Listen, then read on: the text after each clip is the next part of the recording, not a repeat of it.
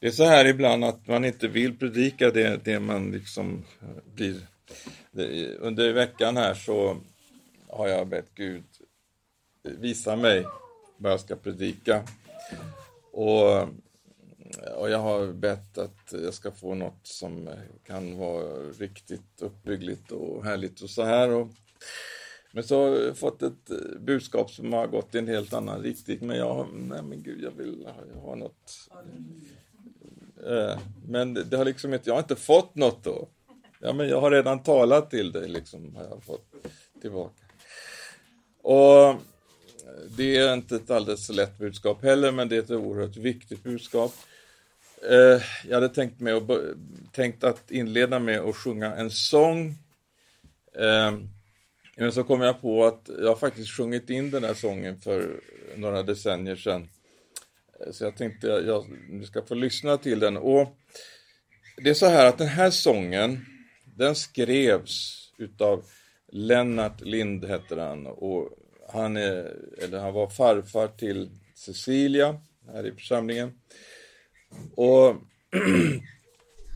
den här sången, jag vet precis när han skrev den här sången, det var ett speciellt eh, skede, liksom mitt i livet, när han genomgick en kris. Eh, när Gud verkligen kom till honom, det var så att han hade varit eh, eh frälst och med i, i pingstförsamlingen i Örebro i sin ungdom. Han hade också blivit god vän med Algot Niklasson och kommit med i det som kallades för förnyelseväckelsen. Eh, men eh, det hände saker, han drogs ut eh, i världen och, och han fick stora framgångar med sitt företag. Han hade liksom den största musikaffären i Örebro. Eh, liksom, det var två våningar, det var allt i musik hos honom. Och dit gick vi när vi skulle ha musikinstrument, vi bodde ju i Örebro på den tiden. Eh, och så vid något tillfälle så, så kom jag till honom. Jag hade någon aning om att han hade varit frälst och så, men jag sa Lennart, hur har du det med Gud? Ja, det sa, ja, kom in här, kom in här. Så, så tog han in mig på kontoret och så fick jag tala med honom. Och, men han var liksom inte färdig, men så kom det liksom en sån här situation i företaget och alltihop och det började liksom bli kaos och, och så vidare. Och så kom han på ett väckelsemöte som vi hade en kväll. Satt längst bak. Och så eh, den heliga ande bara talade. Det var, det är precis, jag vet inte om ni har märkt det, men vissa möten när liksom det kommer någon som Gud på ett sånt där alldeles speciellt söker, det blir en sån speciell atmosfär. Va? Det, blir, det händer någonting i själva Därför att Herren har något, han har en avsikt, en speciell, väldigt speciell plan i det mötet. Va? Och så kändes det det här mötet, att det var, det var så starkt, den helige Ande talade så starkt och så allvarligt. Och jag kanske inte förstod fullt ut eh, vad, vad som eh, skedde i hans liv, utan eh, jag försökte ta det lite mjukare så här och säga, ja, efter mötet här så ska vi samlas, vi ska äta lite semlor tillsammans och så här. Då tänkte jag då kan vi fortsätta och, och samtala och så här. Men han, nej, han tackade nej och så åkte han iväg och han har berättat i efterhand att han åkte ut, långt ut i skogen där ingen kunde höra honom. Där bara träden kunde höra honom och så bara ropade han ut sin nöd till Gud. Och, och verkligen verkligen, verkligen gjorde upp med Gud där ute i skogen. Och när vi eh, möttes nästa gång, då behövde han ju inte berätta att han faktiskt hade varit med om det här, utan man såg ju på honom att nu har det hänt någonting med Lennart. Och så var det verkligen, det var, och det var så genomgripande, alltså det var en sån överlåtelse för han förstod att det går liksom inte bara liksom att bli frälst sådär i största allmänhet utan det handlar om att, att, att eh, göra upp liksom med det gamla, bryta upp och, och, och, verkligen överlämna sig åt Herren.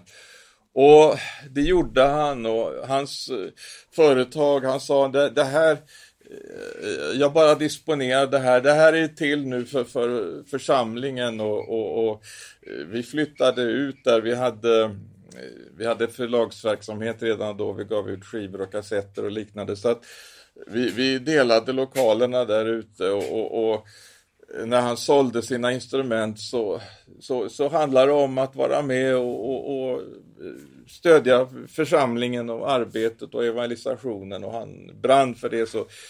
Och i den här vevan, när han liksom var med om det här radikala, då skrev han den här sången. Och tänk noga på texten. Eh, det, det, blev, eh, han gav mig förtroendet att sjunga in sången. Och, eh, eh, men det är han som är med och spelar dragspel eh, på den här inspelningen. Det, är en inspelning från min tid som dansbandsmusiker, vill jag på att säga. Men lyssna inte på själva liksom, framförandet, utan lyssna på, på texten. för, det, för den, det är den som är viktig nu, va? och förstå att det här är skrivet av en person som just genomlever det som den här texten eh, innehåller. Så att eh, sången heter Se dig aldrig mer tillbaka.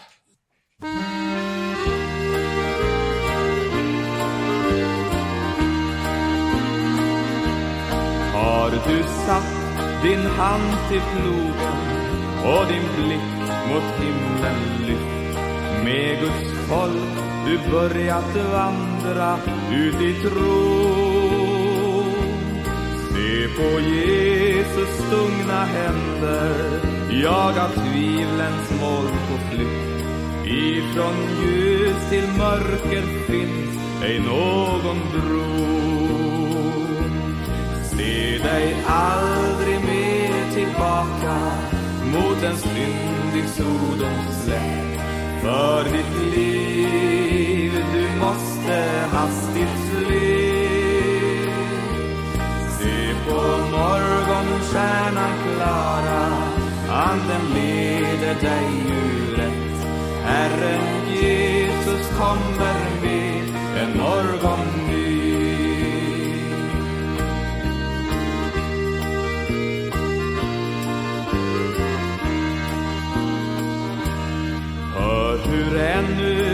stämman ljuder. Jesus kallar, följ du mig.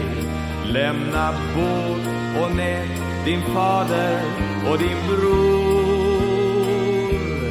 Och ditt ord jag går, o Herre tills en gyllne morgon gryr Nu jag vet, ja, jag vet på vem jag tror. Se dig all tillbaka mot en syndig Sodoms slätt. För ditt liv du måste hastigt fly.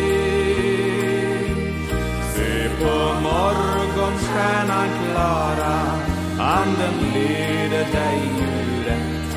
Herren Jesus kommer med en morgon ny.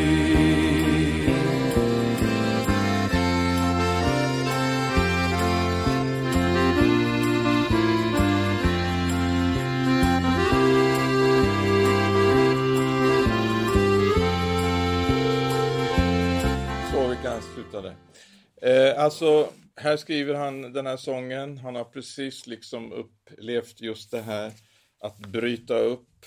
Och jag ska citera det här bibelordet eh, direkt ur Bibeln som han då bygger, eller som han inleder den här sången med. Från Lukas 9 och 62 så står det så här.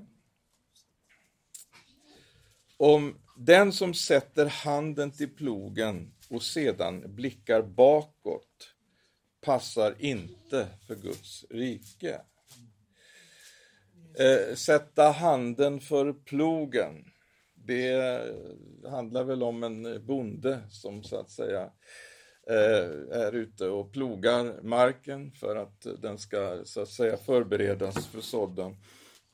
Den som sätter handen till plogen och sedan blickar tillbaka passar inte för Guds rike.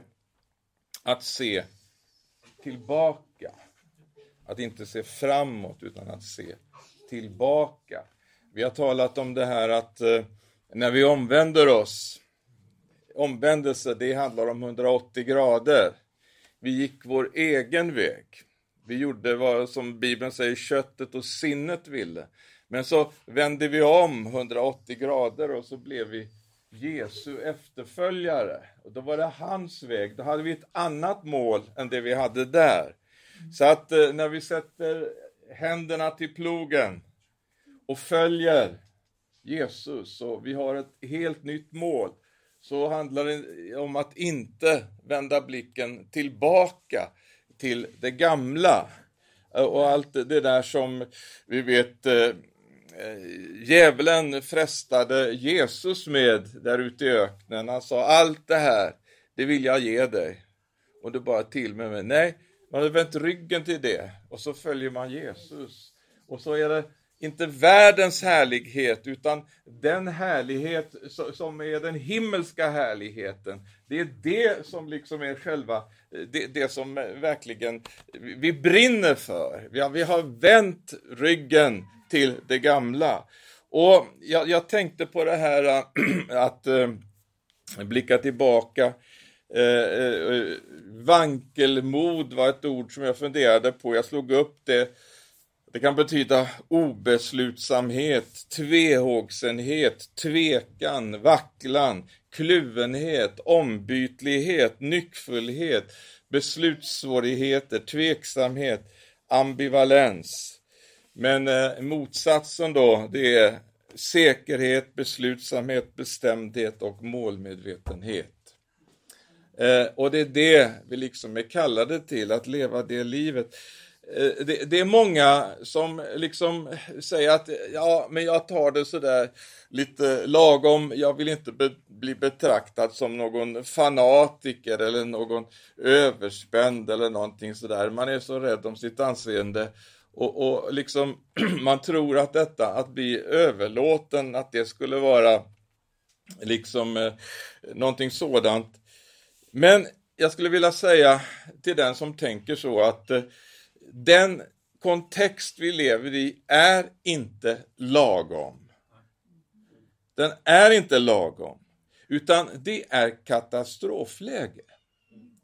Och eh, vi, vi, ser verkligen hur, hur laglöshetens slussar eh, har verkligen öppnats. Vi kan se det i vårt land och vi kan se till och med att, att det här liksom, det flyter in även i, i kyrkliga sammanhang, det, det som liksom denna andeutgjutelse representerar. Och, och vi ser hur både hur barn och unga oskyldiga människor blir liksom förförda utav demoniska krafter.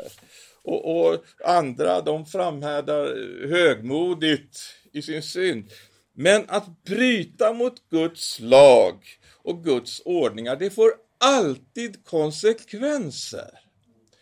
Och det, det, det, gäller både för individer, för nationer, för, för, kultur, för kulturer. När syndens mått är fullt, då kommer domen. Och, och Sverige är inget undantag. Vi kan se det genom hela historien. Det är vad historien lär oss, det är vad Bibeln lär oss, att eh, på sådd följer skörd. Så är det hela vägen. Och, och det, det, det, har vi bara lite historisk kunskap så kan vi väldigt eh, eh lätt inrymma det. Eh, men det här eh, att liksom eh, vika av, att se sig tillbaka, det skedde ju redan faktiskt på den tiden, ja vi vet ju Jesus, han hade ju en Judas och Paulus han hade en Demas. Eh, som eh, det står om honom att han, eh, eh han eh, Paulus presenterar Demas tillsammans med sina andra medarbetare. Han var en medarbetare till Paulus. Och eh, han räknar upp dem och, och, där är alltså också Demas namn. Men så säger han i, i andra Timoteus 4 och 10 att Demas har övergett mig. Han fick kärlek till den här världen och reste till Thessalonike. Så att eh, med andra ord, det var någonting som hände, kärlek till den här världen. Så att eh, det är hela tiden frågan om vilken slags kärlek är det som driver oss? Vad är det som liksom eh, formar eh, våra tankar, våra handlingar? Vad är det som driver? Eh, det står den älska inte världen. För den, som, för den som älskar världen så den har inte faderns kärlek. Och jag tänker på den här sången som vi brukar sjunga ibland när vi har dopförrättning eh, som, som börjar så här, jag har beslutat att följa Jesus och aldrig mer tillbaka gå. Och i andra versen så, så kommer det här, om andra tvekar vill jag dock följa och aldrig mer tillbaka gå. Jag följer korset och lämnar världen och, och ingen väg tillbaka går.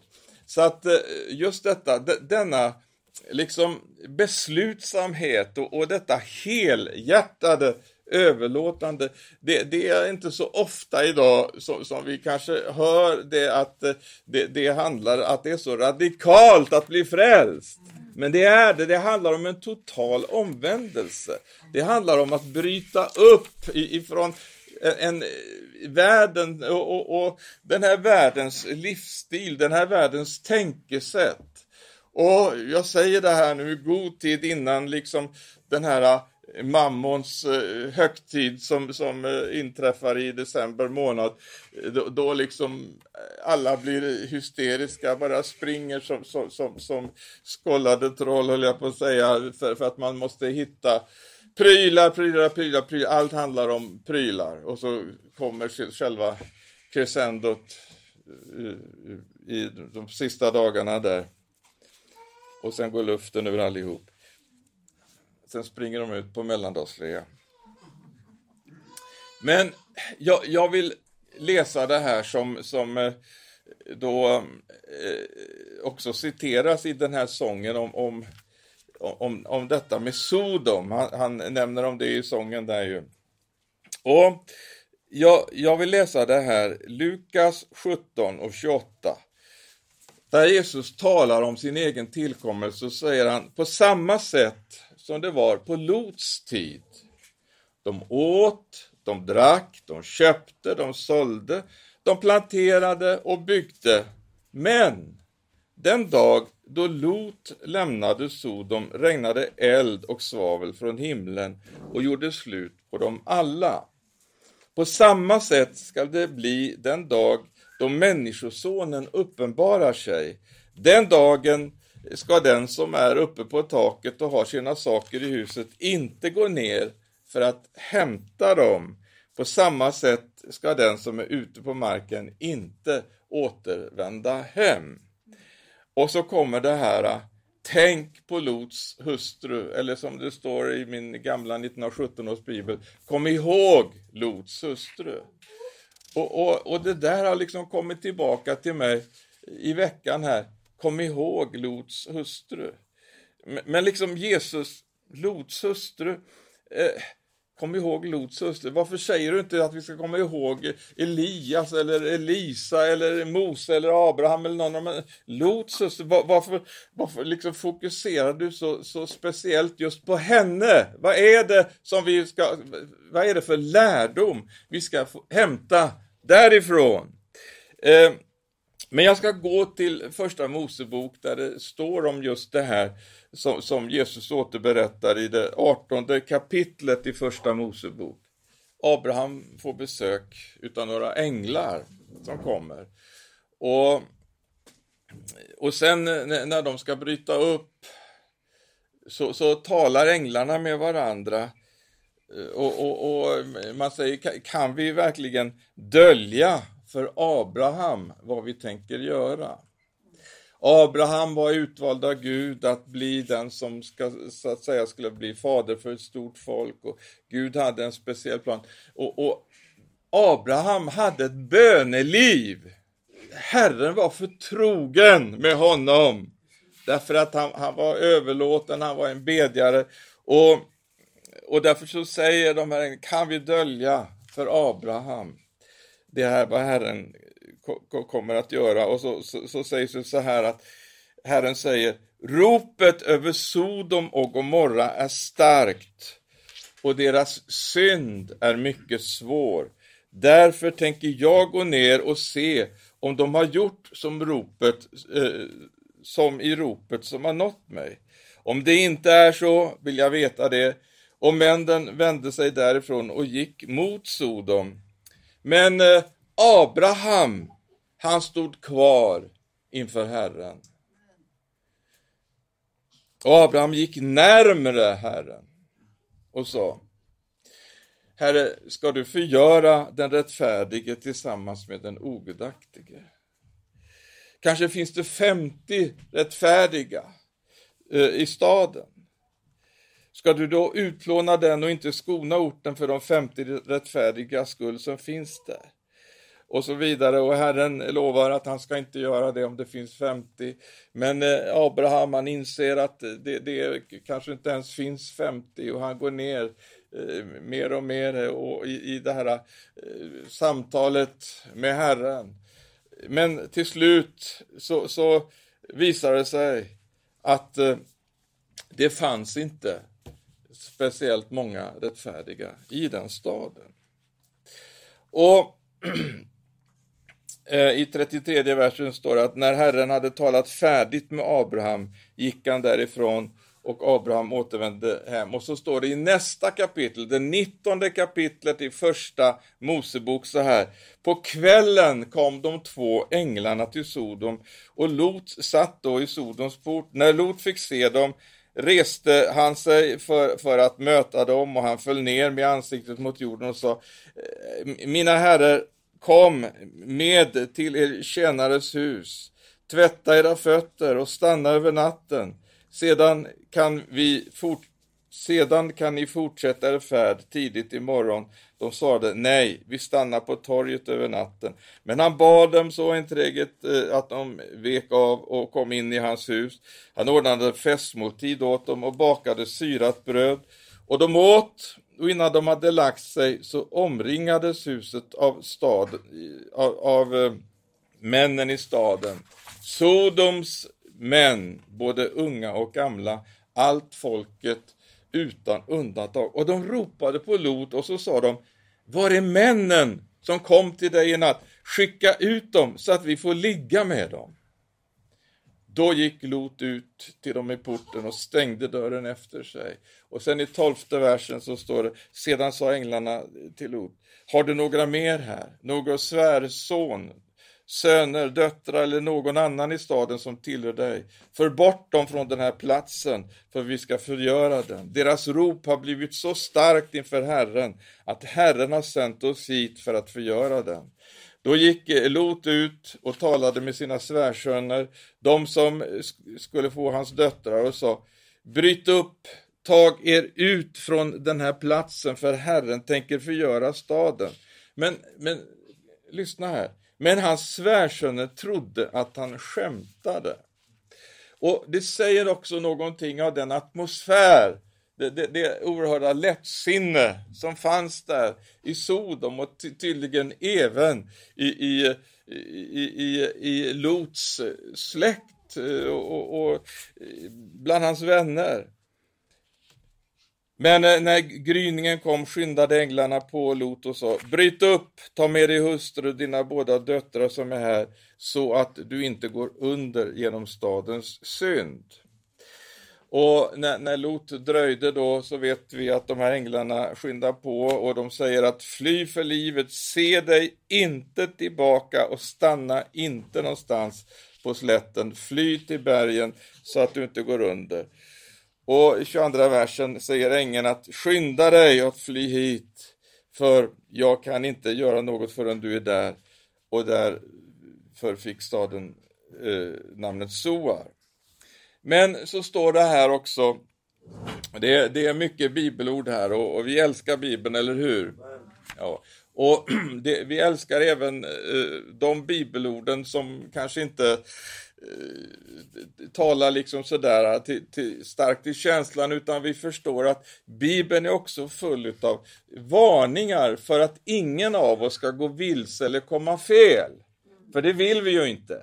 Men vi måste höra Herren när han talar, när han varnar och när Jesus nu på ett speciellt sätt talar om sin egen tillkommelse. Och vi som är bibeltroende och tror på den här boken, vi vet att Jesus ska komma igen, eller hur? Och Jesus har sagt att som det skedde på Noas tid och som det skedde på Lots tid, så skall det ske vid Människosonens tillkommelse.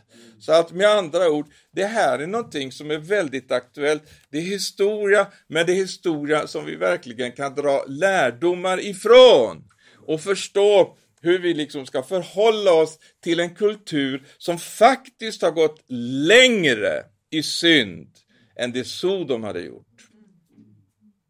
Så är det. Och vi, vi kan liksom inte bara tänka, ja men det kommer att ordna sig. För, för att förr, eh, förr eller senare så är det här måttet fullt och vi vet inte liksom när detta ska ske. Men eh, vi får anvisningar. Hur ska vi förhålla oss? Vilket liv ska vi leva? Och hur ska vi så att säga eh, kunna... Eh, det är en slags överlevnadsguide som Herren ger oss, visar oss, han visar oss en väg eh, eh, och, och, ger oss de här eh, anvisningarna. Men, men vi, vi läser här att eh, eh sedan solen hade gått upp över jorden när Lot kom till Soar, då lät Herren svaveleld regna ner från himlen från Herren över Sodom och Gomorra. Han överdelade dessa städer, hela slätten, alla som bodde i städerna och det som växte på marken. Men så står det så här, och det var det vi skulle komma till då. Men Lots hustru som följde efter honom såg sig tillbaka och hon blev en saltstod.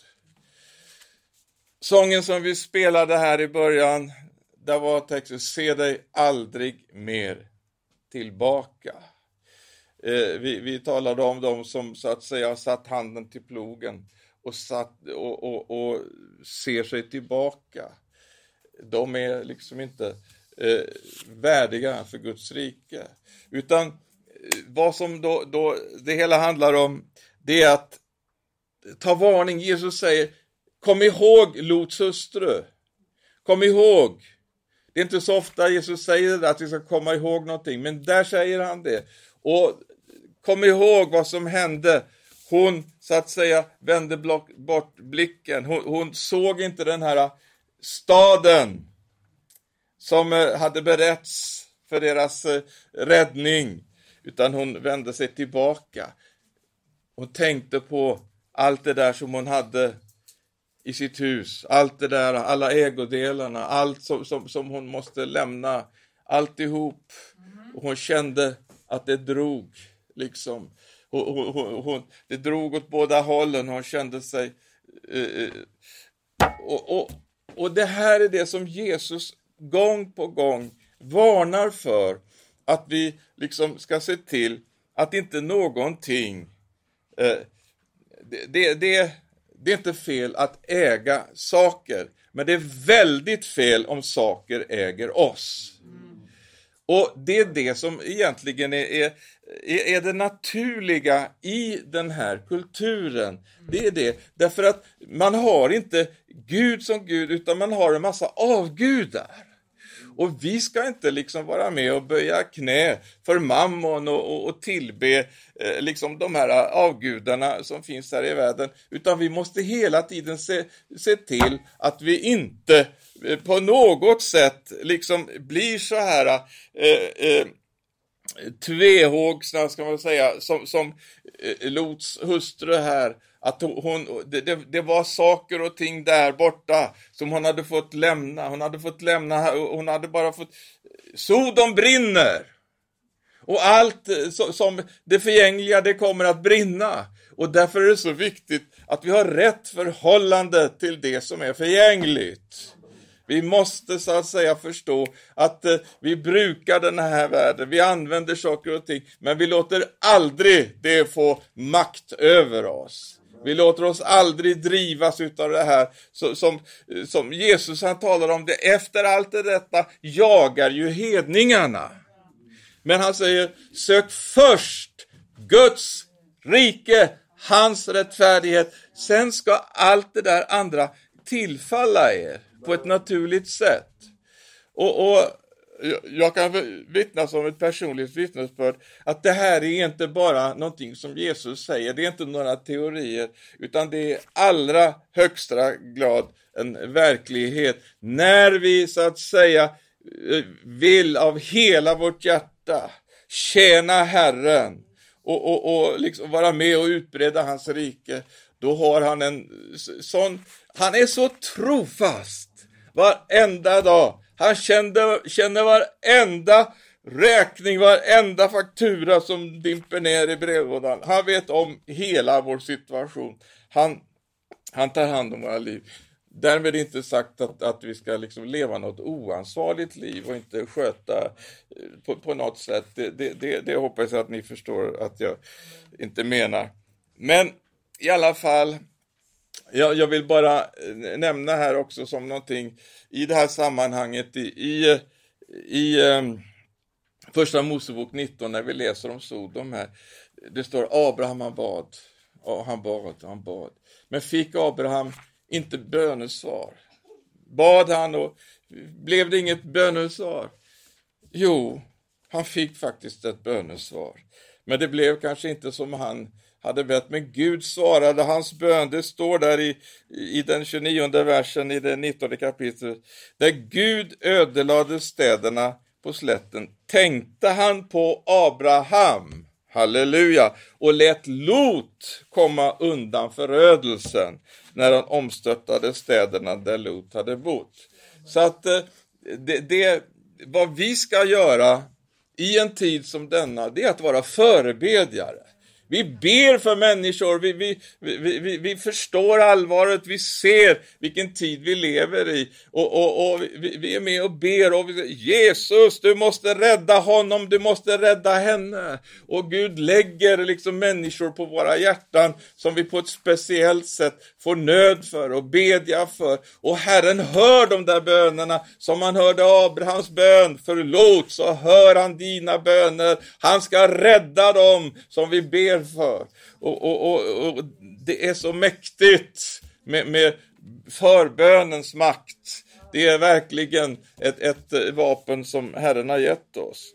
Men när vi går in i Nya Testamentet så ser vi då att eh, det, det nämns flera gånger där just om Sodom. I, i andra Petrus, eh, det andra kapitlet, sjätte versen, så står det att städerna Sodom och Gomorra dömde Herren till undergång och lade dem i aska och gav så ett exempel på vad som väntar de gudlösa. Alltså det är ett exempel, det skedde då men det kommer att upprepas som, som en konsekvens i, i, just av gudlösheten. Men han räddade den rättfärdige Lot som plågades av de laglösas lössläppta liv. Och så, så Jag kan också citera ifrån Judas brev så står det att, eh, att eh, i, i vers eh, 7 så är det också med Sodom och Gomorra och städerna däromkring som på samma sätt kastade sig ut i sexuell omoral och följde onaturliga begär. Eh, de står som ett varnande exempel eh, och får sitt straff i eld eh, och, och så vidare. Men i Jesaja, det tredje kapitlet, så står det också om den attityd som liksom fanns där i Sodom. Eh, och jag tycker liksom, jag kan bara se pride. Jesaja 3 och 9. Deras uppsyn vittnar mot dem. Liksom Sodoms folk visar de sina synder öppet och döljer dem inte. Eh, och, och vi ser liksom det här eh, högmodet, det här eh, stoltheten över synden. Och, och vi vet vad, vad, konsekvenserna blir. Jag ska citera också från Hesekiel 16 och 49. Se detta var din syster Sodoms synd, högmod, överflöd av mat och bekymmerslös säkerhet hade hon och hennes döttrar. Men hon hjälpte inte den nödställde och fattige. De blev högfärdiga och gjorde sånt som var vidrigt för mig. Därför försköt jag dem när jag såg det. Så att vi ser också att det var ett överflödssamhälle. Och, och, det fanns liksom en mänsklig, eh, ett mänskligt högmod och, och, och en slags eh, eh, självsäkerhet som formade det här samhället som då gick eh, så, så, som eh, var i utförsbacken. Men jag, jag, vill här i sista delen komma till Jesus och bergspredikan och se där Jesus tar upp just det här med vårt förhållande till det timliga, till det jordiska. Och, och eh, hur det å ena sidan, ja, vi kan läsa i, i eh, Matteus, det sjätte kapitlet, så, så, så står det där, vi kan läsa från den nittonde versen. Eh, Samla er inte skatter på jorden där rost och mal förstör och tjuvar bryter sig in och stjäl. Samla er skatter i himlen där varken rost eller mal förstör och där inga tjuvar bryter sig in och stjäl. För där din skatt är, där kommer ditt hjärta att vara. Så att, vad, vad, är det, vad är det vi uppskattar? Eh, eh där vår skatt är, där kommer vårt hjärta. Och, och det är hela tiden frågan om hjärtat. Hjärtats kärlek. För att, eh, och vi ska inte ljuga för oss själva. Utan vi, vi, vi ber till Herren, Herre ransaka mitt hjärta. Rena mitt hjärta, gör mig fri ifrån alla band som, som, som vill binda här i världen. Och, och hjälp mig att kunna bara eh, tillhöra dig Jesus. Att eh, du får vara min skatt. Och så säger han så här. Ögat är kroppens lampa. Om ditt öga är friskt får hela ditt, din kropp ljus. Och jag tycker om det här som han säger, om det här friska ögat som kan se liksom på rätt sätt. Det är inte liksom det här med ögonens begärelse och, och den biten, utan det friska ögat, det ser någonting annat. Och om ditt öga är sjukt ligger hela din kropp i mörker. Eh, och om ljuset inom dig är mörker, hur djupt är då inte mörkret? Och, och, så säger Jesus, ingen kan tjäna två herrar. Antingen kommer han att hata den ena och älska den andra eller hålla fast vid den ena och förakta den andra. Ni kan inte tjäna både Gud och mammon. Därför säger jag till er, bekymra er inte för ert liv, vad ni ska äta, vad ni ska dricka eller för er kropp, vad ni ska klä er med. Är inte livet mer än maten och kroppen mer än kläderna? Och så ger han de här olika exemplen, att vi ska se på fåglarna och på blommorna och så vidare, och se på skapelsen, hur, hur liksom Herren försörjer. Och, och så, eh,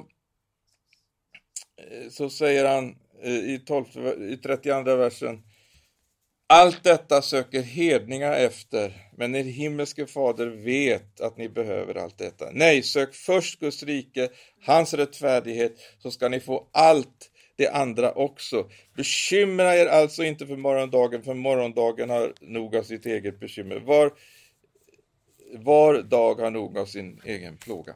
Men i alla fall, detta som, som står här om ögat, jag vill uppehålla mig lite grann kring det, för att Paulus utvecklar just när det gäller detta i Efesierbrevets första kapitel, så står det så här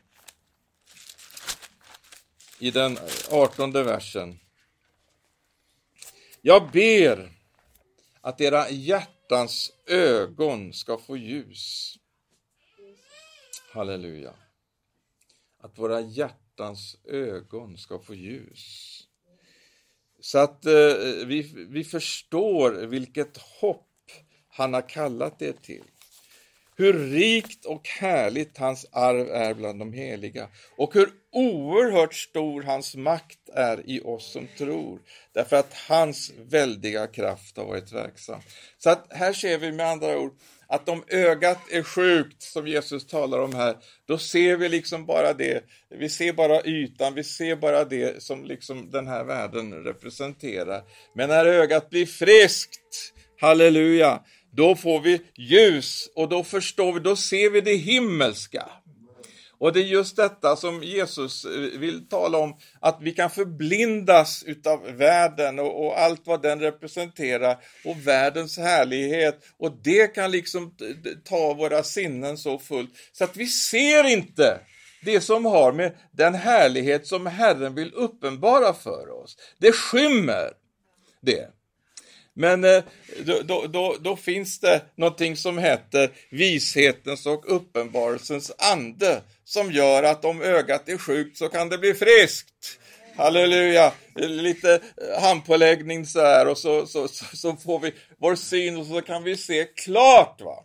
Därför att det är så viktigt i den här tiden, för att det är så oändligt mycket lättare för oss och i, i, i vårt kött och våra, vårt sinne och det som liksom har med alla begär och allt det som finns naturligt i oss, att vi, vi, vi liksom blir helt intagna och upptagna utav vad världen representerar.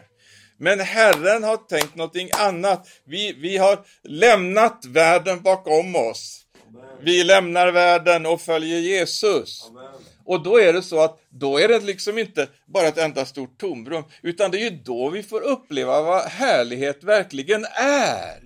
Och det är ju det Gud vill uppenbara, men liksom som, som, som vi, vi, vi kan liksom inte hålla på och mixa och, och, och, och ha lite av varje, utan eh, vi överlämnar oss, vi söker, någonting söker vi först, eller hur?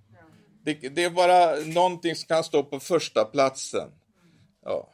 Vi söker först Guds rike. Sen ska det andra också tillfalla. Så att det är inte bara att vi blir några liksom änglavarelser eller någonting sånt där.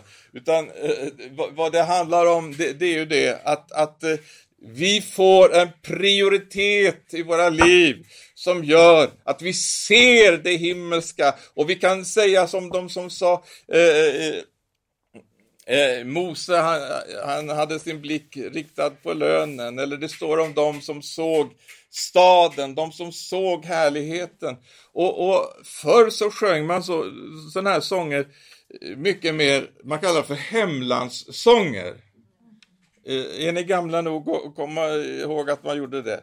Hemlandssånger. Alltså vi sjunger om det här härliga eh, hemlandet. Vi väntar, vi är gäster och främlingar i den här världen. Vi brukar den här världen. Vi, vi, vi, vi, vi kan både äga saker och, och, och, eh, vi kan ha hus och bil och allt möjligt. Men det är inte det som är vårt liv. Det är inte det vi lever för. Utan det är bara sånt som, som vi använder för att vi ska kunna vara med och söka Guds rike och, och hans rättfärdighet. Det är sånt sånt som vi använder för att kunna vara med och sprida evangelium. Det är det som är vår högsta prioritet. Det är det livet vi lever för. Och jag tycker det är så härligt det som står här. Jag ber att era hjärtans ögon ska få ljus, så att ni verkligen förstår vilket hopp det är som han har kallat er till. Och hur rikt och härligt hans arv är bland de heliga.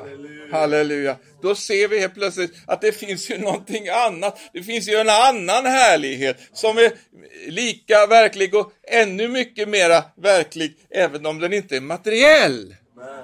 Och, och det, det är det som Herren vill ha kallat oss till. Och det står hur oerhört stor hans makt är i oss som tror, därför att hans väldiga kraft har varit verksam. Halleluja! Den kraften lät han verka i Kristus när han uppväckte honom från de döda och satte honom på sin högra sida i himlen. Över alla härskare och makter och krafter och herradömen och alla namn som kan nämnas, inte bara i denna tidsålder utan också i den tillkommande. Halleluja! Så att med andra ord, vi kan få leva ett liv eh, där vi är övervinnare. Vi låter oss inte besegras utav världens ande. Vi, vi blir liksom inte fångar under mammon. Vi blir inte fångar i det som binder och fångar människorna i världen, utan vi är fria. Halleluja! Halleluja. Vi, vi lever i världen och, och, och vi, vi, vi, bor och vi äter och, och, och vi sover och vi gör allt möjligt. Eh, men men vi lever inte det livet som man lever i världen därför att vi har någonting övergripande. Halleluja! Vi, vi väntar på någonting som, som kommer bara att komma i sin fulla härlighet en dag. Halleluja! Allt det som är av den här världen, det är förgängligt, det är försvinnande. Bibeln säger att det ska brinna. Men det vi har fått, det är beständigt, det är evigt, det, kan, det är oförstörbart. Halleluja. Så det är därför så, så, vi behöver påminna varandra ibland vad vi äger i Jesus. Och, och verkligen se att eh, inte liksom sänkas ner och, och, och, komma in under det här eh, materi materialismen och allt det här som präglar liksom hela den här kulturen. Utan vi är övervinnare. Här vi reser oss upp över det där.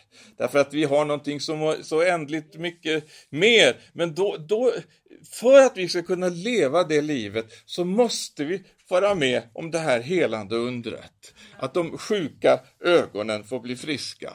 Så att vi kan se klart. Vi ser klart. Vi ser igenom.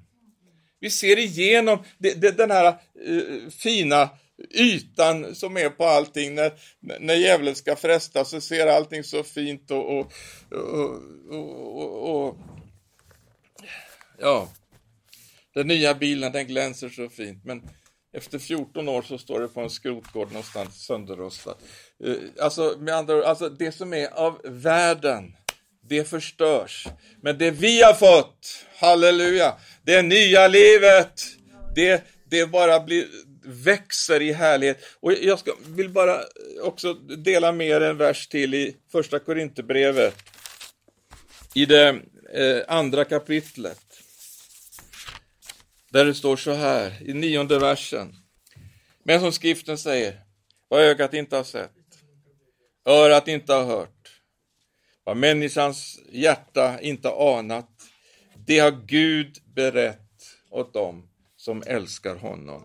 Gud har uppenbarat det för oss genom sin ande. Så att med andra ord, vi ska inte vara fyllda av världens ande som gör att vi liksom lockas av allt det som finns. Utan vi ska vara fyllda av den heliga ande som uppenbarar allt det här underbara som vi inte liksom med våra naturliga ögon och öron och vårt sinne liksom har, har kunnat eh, eh se och, och, och höra och, och förnimma, utan den heliga ande kommer Halleluja! Och så gör den levande och så gör den Jesus levande.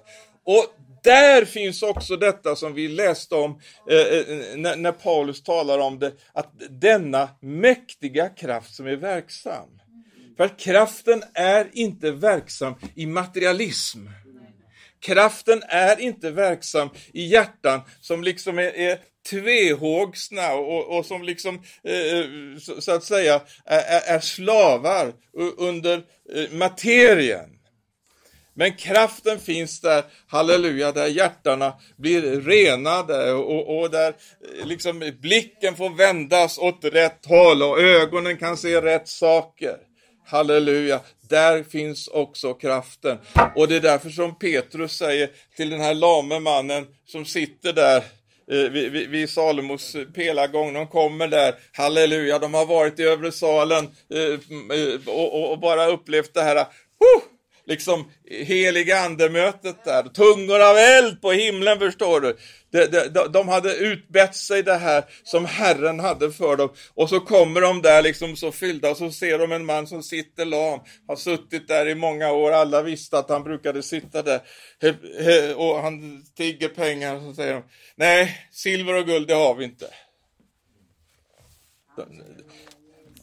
Alltså de var inga framgångsteologer.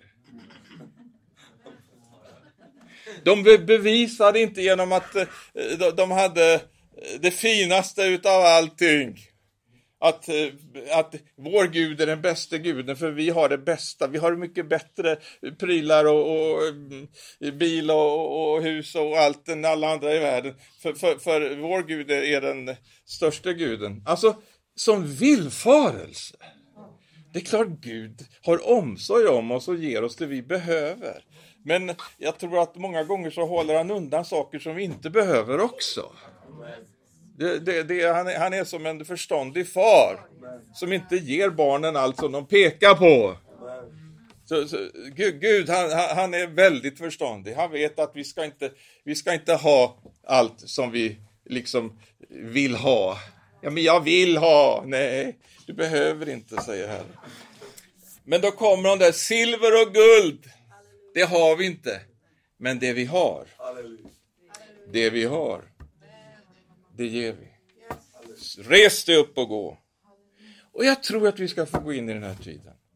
Jag tror det. När vi gör upp med det som har med den här eh, tidsåldern att göra, med, med den här världens ande att göra, när, när vi liksom vi beslutar oss, nu ska jag följa Jesus, inte bara eh, liksom partiellt, inte bara i anden, utan både till ande, själ och kropp. Hela mitt liv, hela min livsstil, allt vad jag är, allt vad jag har, allt är Herrens. Halleluja. När vi på det sättet så totalt, så att säga, tillhör honom, tror inte också han vill sanktionera med kraften? Det är klart han gör. Halleluja. Så att eh, nu vet ni vad som gäller. Vi ser fram emot verkligen att få se Herrens hand uträckt. Men eh, eh, det, det, står om det att för att vi ska få uppleva att elden faller, då måste det först ligga ett offer på altaret.